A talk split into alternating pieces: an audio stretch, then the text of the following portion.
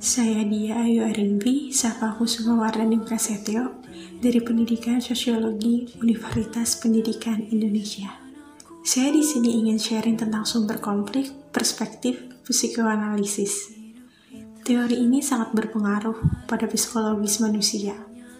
Hal itu terjadi karena disebabkan seseorang tersebut trauma akan masa lalu yang pernah dia alami dan dia belum memaafkan atau berdamai penuh dengan masa lalunya. Membiarkan masa lalu hinggap di kepalanya yang membuat dia selalu terngiang setiap saat. Lalu bersedih dan ketakutan karena mengingat hal yang membuat dia tidak bisa memahami dirinya secara utuh. Tidak hanya itu, teori ini dapat membuat seseorang yang sudah benci dengan subjek masa lalunya akan melakukan hal yang sama dengan subjek yang berbeda. Saya mempunyai sahabat yang sangat amat sayang sama ayahnya.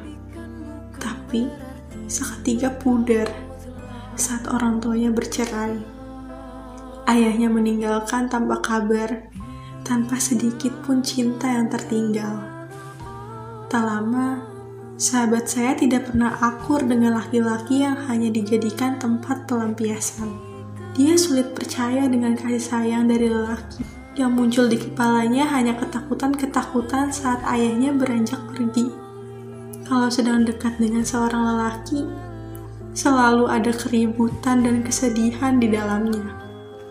Karena bayangan ayahnya yang dia benci susah untuk dilupakan.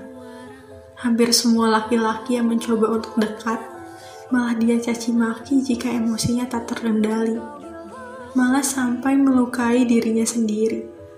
Solusi yang sudah saya lakukan sebagai seorang sahabat, tentunya perlahan mencoba mengerti perasaannya.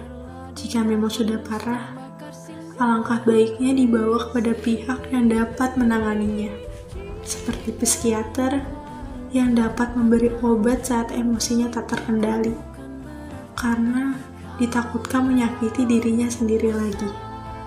Sekian dari saya. Semoga sharing kali ini bermanfaat ya. Sampai jumpa di podcast berikutnya. Dadah.